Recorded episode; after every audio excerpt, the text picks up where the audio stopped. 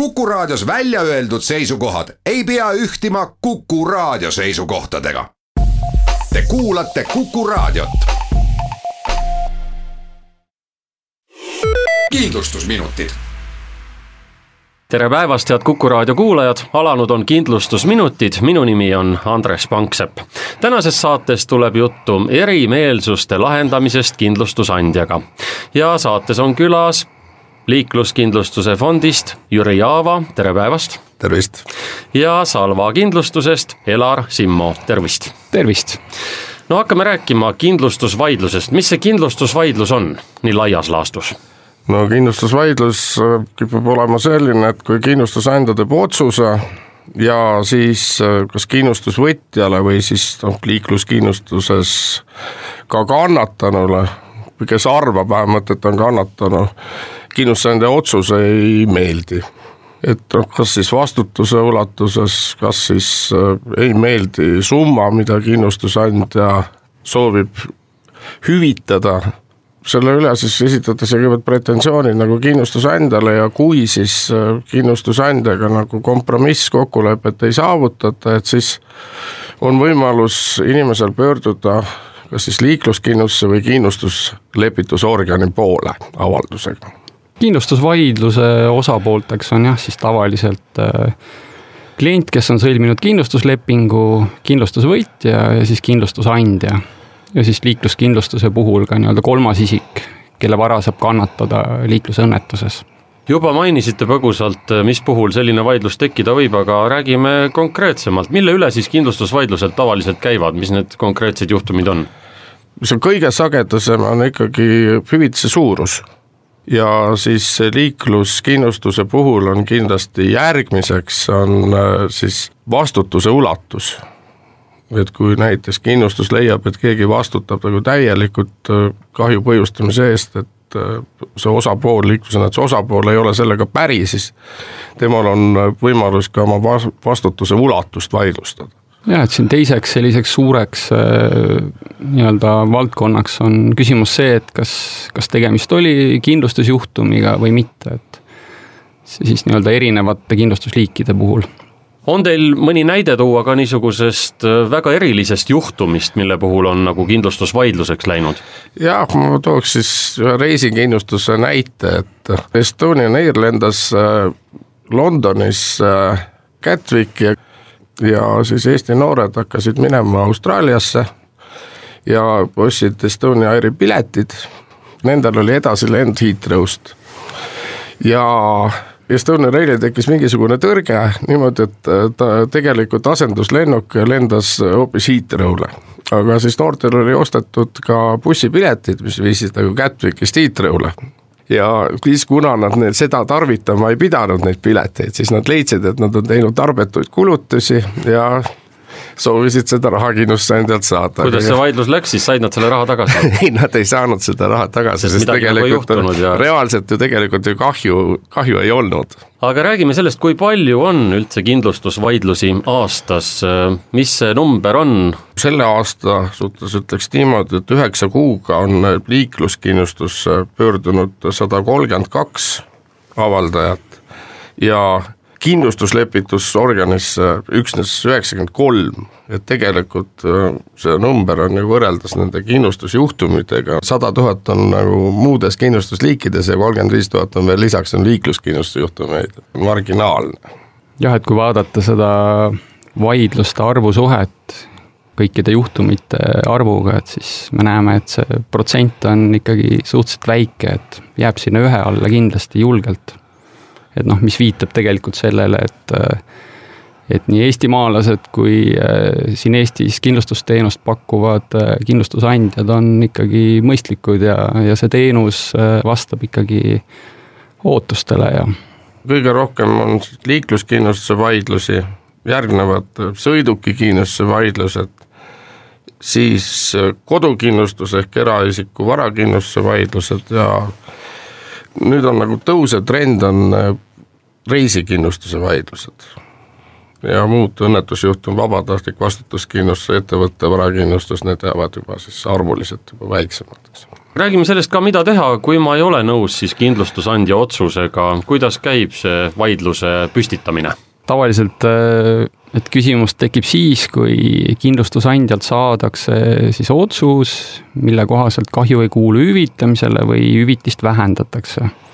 Et sellises olukorras peaks klient endale selgeks tegema, mida siis kindlustusandja on soovinud oma otsusega talle edastada. lugeda kindlustuslepingut, kontrollida ja kujundada siis omapoolne seisukoht, et kas see, mida kindlustusandja on talle edastanud, on tema arvates õige ja vastab tema ootustele. ja kui sellega nõus ei olda, siis kindlasti tuleks kindlustusandja poole pöörduda. Kui midagi kindlustusandja otsuses jääb midagi ebaselgeks, siis tuleb paluda kindlustusandjal täiendavaid selgitusi. ja siis, kui need selgitused ikka ei ole põhjendatud inimese arvates, siis tuleks nagu otsustada, et kas pöörduda liikluskindlustuse lepitusorganisse või siis kindlustuse lepitusorganisse kui tihti on teie praktikas selline juhus, et inimene tuleb, vaidlustab oma otsuse ja see vaadatakse tõesti ümber ja muudetakse, et inimene saab oma õiguse juba teie juurest kätte? ikka muidugi, juhtub ka selliseid olukordi, sest vahel äh, võibki juhtuda, et äh, on toimunud mingisugune ütleme, see suhtlemine ei ole kõige täpsem olnud, et inimene ei ole võib-olla algul kõikidest asjaoludest rääkinud, kindlustusandja ei ole kõiki asjaolusid tähele pannud, kui see olukord on kuidagi muutunud, kindlustusandja on seda olukorda arutanud ja on leitud, et on põhjendatud esitatud pöördumine siis loomulikult kindlustusandja on valmis oma otsust muutma. tihti on niimoodi, et isegi, et inimene on nagu pöördunud pretensiooniga kindlustusandja poole ja kindlustusandja on oma otsuse samaks jätnud ja siis ta pöördub lepitusorganisse juba nagu eelmenetluse käigus on, esitab ta selle lepitusorganile nagu lisateavet. Ja et kui nüüd lepitusorgan saadab kindlustusandjale vastamiseks selle avalduse koos selle lisateabega, siis kindlustusandja muudab oma otsust, sest sellepärast, et inimene ei ole suutnud nagu algselt koheselt seda teavet edastada. mis oleks kindlustusandja jaoks tarvilik, et kahju hüvitada või siis osaliselt hüvitada ja kui siiski kindlustusandjaga ei sünni kokkulepet, millise lepitusorgani poole peab siis pöörduma selle vaidlusega? no kui on tegemist liikluskindlustuse vaidlusega, siis liikluskindlustuse lepitusorgani poole ja kui on tegemist muu kindlustusega, siis kindlustuse lepitusorgani poole, tegelikult nagu avalduse blankett on täpselt samasugune, mis täita tuleb aga need on siis nagu täiesti eraldiseisvad kindlustustest eraldiseisvad organisatsioonid ja nemad lahendavad neid tülisid? jah, asju lahendavad sõltumatud lepitajad, et mõlemas organis on kaksteist sõltumatut lepitajat kas lepitusorgan on viimane instants, kuhu oma kindlustusvaidlusega pöörduda või, või on veel mingi kõrgem kohus? no kui kokkulepet ei sünni, siis võib inimene loomulikult kohtusse pöörduda. et oluline on äh, see teadmine, et äh, kindlustuslepitaja ei mõista õigust tema ülesanne on äh, selgitada välja, kas poolte seisukohti on võimalik lähendada ja kas on võimalik saavutada mingisugune kompromiss. et lepitaja kindlasti ei saa teha poolte jaoks mingisugust siduvat otsust. jah, ja kui nüüd pöördub ka nüüd see klient või kannatanu või siis pöördub lepitusorgani poole või liikluslepitusorgani poole liikluskindlustuses. et siis äh, ta nagu alguses nagu eeldab seda, et lepitaja on kuidagi tema esindaja. ja tegelikult lepitaja ei ole esindaja, vaid lepitaja ülesanne ongi see, et äh, pooli lähendada, et pooleks on siis avaldaja ja on kindlustusandja.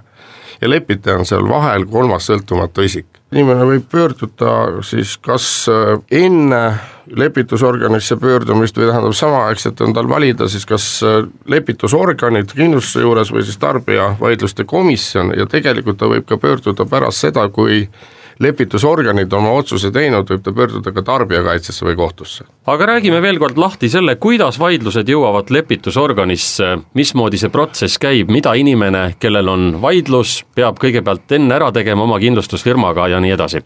no kõigepealt tuleb esitada pretensioon otsuse osas siis kindlustusandjale.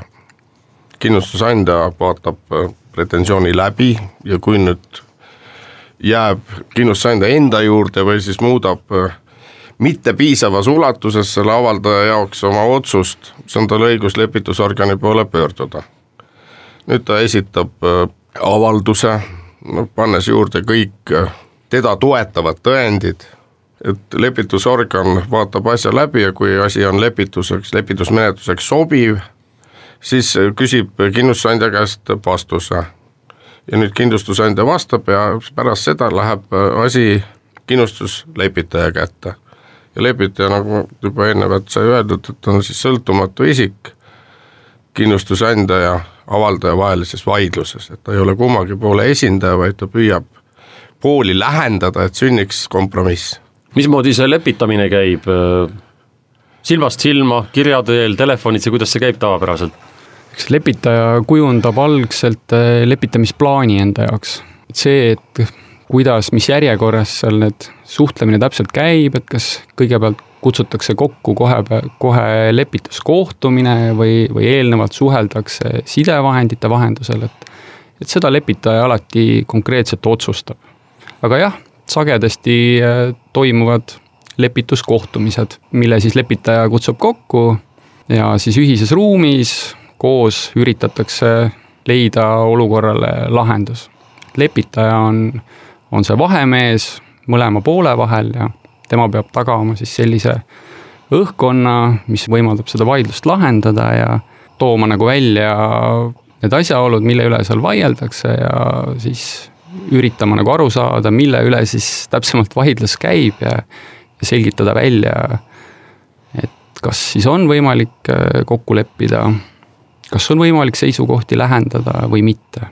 sageli on ka, tekivad vaidlused seetõttu, et on äh, toimunud mingisugune kommunikatsioonis äh, väike probleem, et sellised vaidlused lepitaja tavaliselt suudab alati ära lepitada jah, kommunikatsioonis on, võib olla häire, et siis see kommunikatsioonihäire läheb juba, võib minna nagu emotsiooni peale, et pärast nagu noh, et avaldajal nagu kindlustusandjaga ei olegi võimalik enam nagu vahetult suhelda, sellepärast et juba noh, närvid on nii üles köetud, et selles suhtes ongi nagu see kolmas isik või see vahelüli on nagu väga oluline, kes tegelikult need emotsioonid maha tõmbab ja uuesti nagu poole taga asja kallale tagasi toob. mis see teie praktika ütleb, kui kaua see lepitamise protsess aega võtab tavaliselt? Et äh, heal päeval saab lepitatud kuskil paari päevaga, aga võib ka minna niimoodi, et noh, liikluskindlustuse lepituses on keskeltläbi on see aeg nelikümmend päeva ja muudes kindlustusasjades siis noh, seitsekümmend kuus päeva. ja mul on endal konkreetselt olnud vaidlus ka, mis on üle aasta veninud tegelikult, üks kodukindlustuse tulekahju juhtum oli ja lahenes ka üle aasta tööd ja lahenes positiivselt. mis see erimeelsuste lahendamine maksab? avaldajale on tasuta, kulud kannab kas siis Liikluskindlustuse Fond või Eesti Kindlustusseltside Liit. jah, see ongi väga hea võimalus, et sellist äh, rahalist lävendit ei ole lepitusorganite poole pöördumiseks, et, et igaüks, kes tunneb, et tema õigused on rikutud, on võimalik äh, väga lihtsalt see kaebus, see avaldus esitada ja on võimalik saada siis nagu tagasisidet. tahaksin veel seda öelda, et mõlemad organid, siis nii liikluskindlustuse lepitusorgan kui ka kindlustuse lepitusorgan on riigi poolt tunnustatud vaidluste lahendamise organid rääkisime saate alguses sellest, et kõikidest kindlustusjuhtumitest neid erimeelsuse lahendamisi on väga väike protsent, aga kui me võtame nüüd selle protsendi, palju nendest nii-öelda positiivselt laheneb selle positiivse lahenduse all äh, me mõistame siis äh, lepituskokkuleppe saavutamist. ja need protsendid on äh, kindlustuse lepitusorganis umbes kuuskümmend protsenti, ehk siis kuuskümmend protsenti kõikidest vaidlustest saavad sellise lahenduse ehk kokkuleppe ja liikluskindlustuse lepitusorganis on see protsent veel kõrgem, see on seal seitsmekümne ringis. et ehk kokkuvõttes suurem osa vaidlusi saavad positiivse lahenduse. Jüri Jaava Liikluskindlustuse fondist ja Elar Simmo Salva kindlustusest, aitäh selle jutuajamise eest! head Kuku raadio kuulajad, kindlustusminutid läheb nüüd pisikesele puhkusele, soovin teile kauneid jõulupühi ja järgmisel korral kohtume juba uuel aastal, kuulmiseni! kindlustusminutid